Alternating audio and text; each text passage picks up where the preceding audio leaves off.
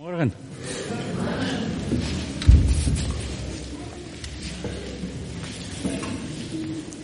Aanbidding is een keuze. Dat is misschien wel een uitdagende kreet voor sommige mensen.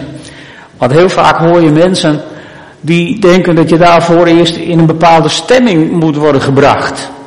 Misschien wekken we in de kerk ook wel een beetje de indruk door natuurlijk eerst een tijd zingen. En als dat nou maar goed is. En als de band de goede liederen maar heeft uitgekozen. En als het geluid, het volume maar goed heeft ingesteld. En als het maar lekker warm is in de kerk en de stoelen zijn naar het zin. Nou dan heeft God ook een kans. Nou overdrijf ik een beetje, maar misschien heb je toch sommige dingen herkend. Aanbidding is een keuze. Er staat in Romeinen 8, vers 37, maar in dit alles zijn wij meer dan overwinnaar door Hem die ons heeft liefgehad. En hoe kun je nou meer zijn dan overwinnaar? Er kan maar één winnen. En wie kan daar nou nog boven staan? Want wie wint, wint. De eerste plaats is gewoon de eerste plaats. Maar toch kun je meer zijn dan overwinnaar. Namelijk door er bewust voor te kiezen om God te aanbidden in elke situatie van je leven. Ongeacht hoe je je voelt of hoe de vlag erbij hangt. Om te kiezen.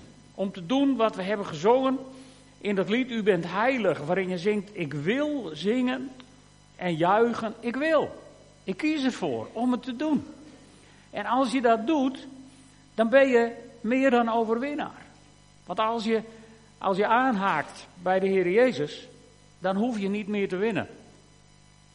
Dan heb je aangehaakt bij de overwinnaar en deel je in de overwinning die al voor je is behaald. Dus in principe kun je je elke strijd besparen, want de strijd is voor je gevoerd.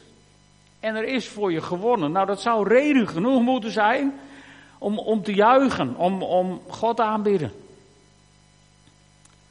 Maar goed, misschien denk je, je moest eens weten. Nou, sommige mensen zullen het verhaal herkennen, want het is voor mij een van de meest populaire verhalen uit het Oude Testament. Er was een meisje. En, uh, hoe zeg ik dat netjes? Ze was niet moeders mooiste. Daar kon ze niks aan doen. Haar moeder ook niet. Maar er kwam bij, ze had een hufter van een vader. En zoals het in die oude tijden was, een dochter. Ja, dat was op zich was dat al uh, een tegenvaller. En die moest je kwijt zien te raken aan een of andere man die er een knappe bruidschat van neerlegde, dan, dan had je er nog wat aan. Maar ja, als je dan zo'n lelijke krijgt. En vader die heeft haar waarschijnlijk haar hele leven verteld uh, hoe schadelijk ze was voor de familie. Met jou blijf ik zitten, zal ze vaak gehoord hebben. En ze had de pech, zo wil dat in de natuur soms, dat ze een bloedmooi zusje had. Waardoor het nog schriller werd. En de tegenstellingen nog groter werden. En zusje kreeg verkering. En zusje zou gaan trouwen.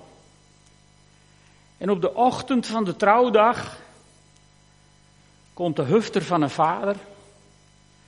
En die sluit het mooie zusje op in de kelder en die zegt: Weet je gebeente als je je snavel opentrekt?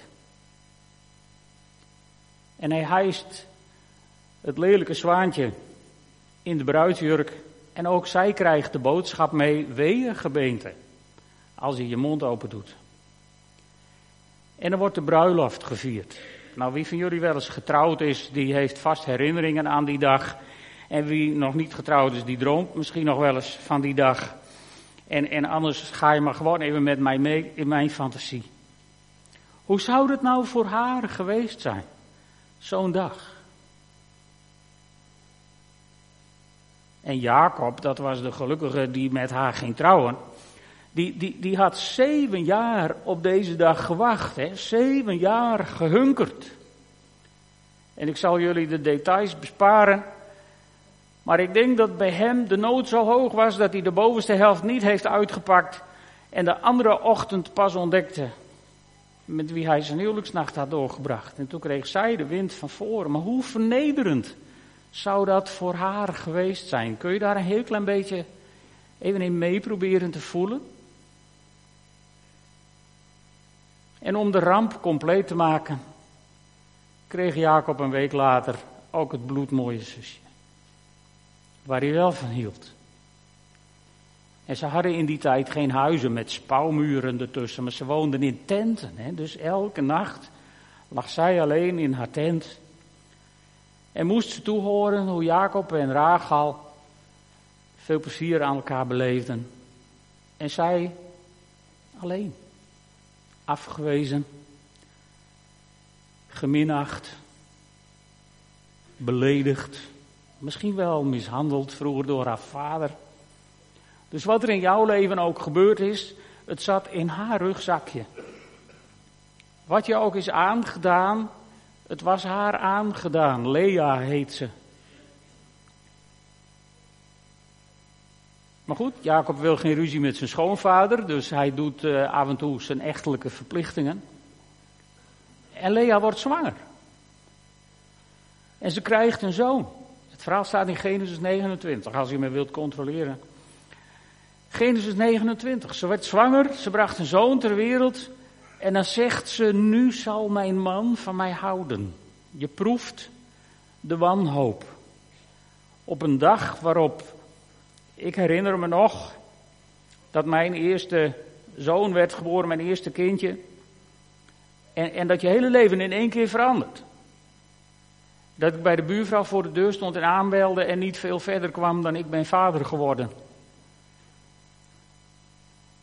Een dag die je in je hele leven nooit weer vergeet. Als alles goed gaat en alles goed is, dan is dat zo'n dag met, met nou, een hele dikke gouden rand.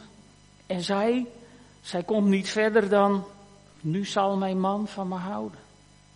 Zelfs op die dag voert de wanhoop in haar leven de boventoon.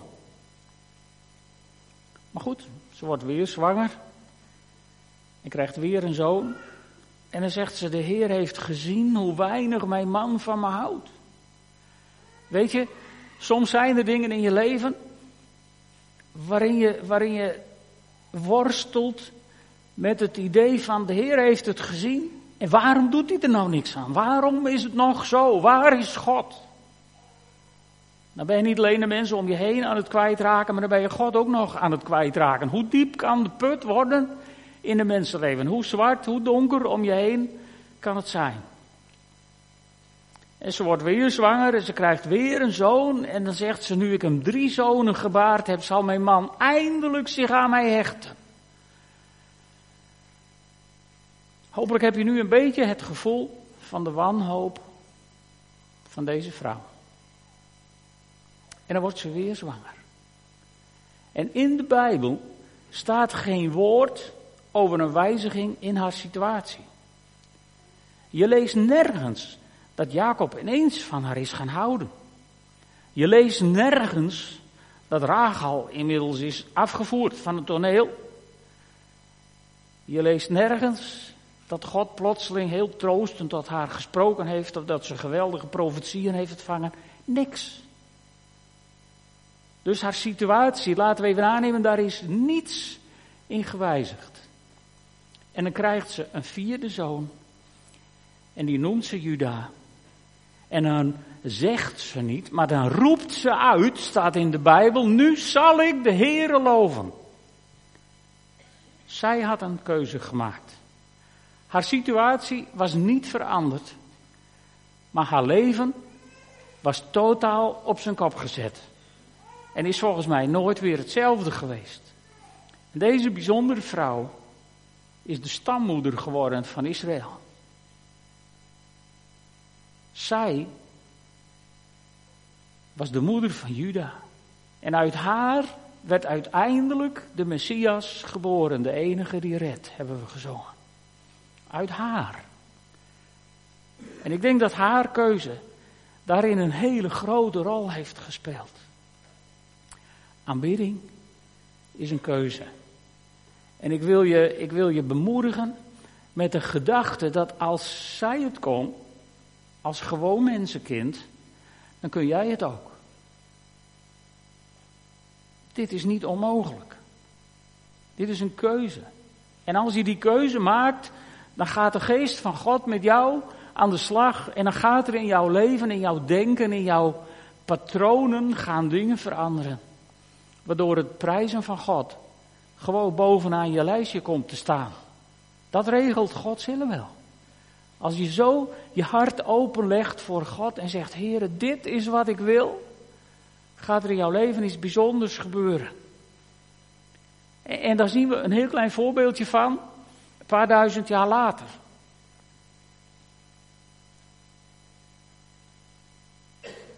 Een van de grootste theologen aller tijden, die bijna nou, meer dan de helft van het Nieuwe Testament heeft geschreven, Paulus, is op zendingsreis. En Paulus die wil linksaf. En in plaats van dat God nou even naast zo iemand een profeet stuurt die zegt, zo spreekt de Heer, dit gaan we doen, doet God gewoon alleen maar de deur dicht. En dan denkt Paulus, nou dan gaan we rechtsaf. En nog geen profeet. Maar God doet gewoon de deur dicht. Je zou er heel zagrijnig van worden. En dan eindigen ze, ja, in Troas, rechtdoor gaat niet, want ja, daar is de zee. En wat moet je aan die overkant? Bedoel. En daar zitten ze dan. En dan stuurt God nog niet even een fatsoenlijke profeet die even roept van dit gaan we doen. Maar dan krijgt Paulus een droom. En op grond van die droom besluiten ze om dan toch maar naar de overkant te gaan. En dan denk je, nou, nou hebben we de wil van God te pakken. En in die eerste stad waar ze komen, verkondigen ze het evangelie. En eindigen ze met kapotgeslagen ruggen in de gevangenis. In de diepste kelder staat er, in de diepste kerker staat er in de, in de Bijbel. Dus je moet je even zo'n middeleeuws hal voorstellen, onderin de kelder. Niet helemaal droog, niet helemaal vrij van ongedierte.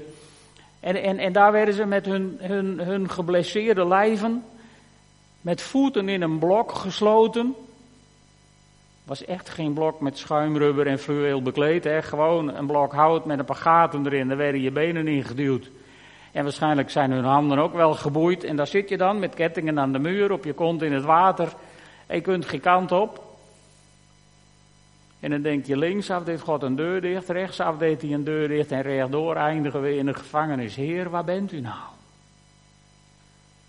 En ik denk dat negen van de tien mannen gods daar hun bediening aan de wilgen zouden hangen.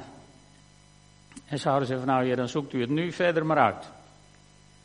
Zo niet Paulus en Silas. Want we lezen iets heel bijzonders in, uh, in Handelingen 16, in vers 25. Er staat om middernacht waren Paulus en Silas aan het bidden. Dat kunnen we ons nou nog voorstellen. Hè? O Heer, zie onze ellende, help ons en red ons. Dat, dat zouden we ons kunnen voorstellen. Zo'n soort noodkretengebed. Maar nee, er staat in de Bijbel. Ze waren aan het bidden. En ze zongen lofliederen voor God. Aanbidding is een keuze. Zelfs zij maakten in die situatie de keuze. En weet je wat ik dan zo mooi vind? Dan staat er de andere gevangenen luisterden aandachtig naar hen. Als jij ervoor weet te kiezen om in je leven, ongeacht de omstandigheden, God te aanbidden, dan spitsen mensen de oren, dan strekken ze hun nek om je te zien en dan heb je de aandacht. Dat garandeer ik je. Het is misschien wel de meest efficiënte evangelisatiemethode die je kunt bedenken. Want dan zijn ze nieuwsgierig wat er met jou aan de hand is. Ben je gek geworden? Of is er in dat geloof waar jij aan doet toch iets van realiteit? Die vraag, die komt op dat moment op tafel te liggen. Want mensen zien iets bovennatuurlijks.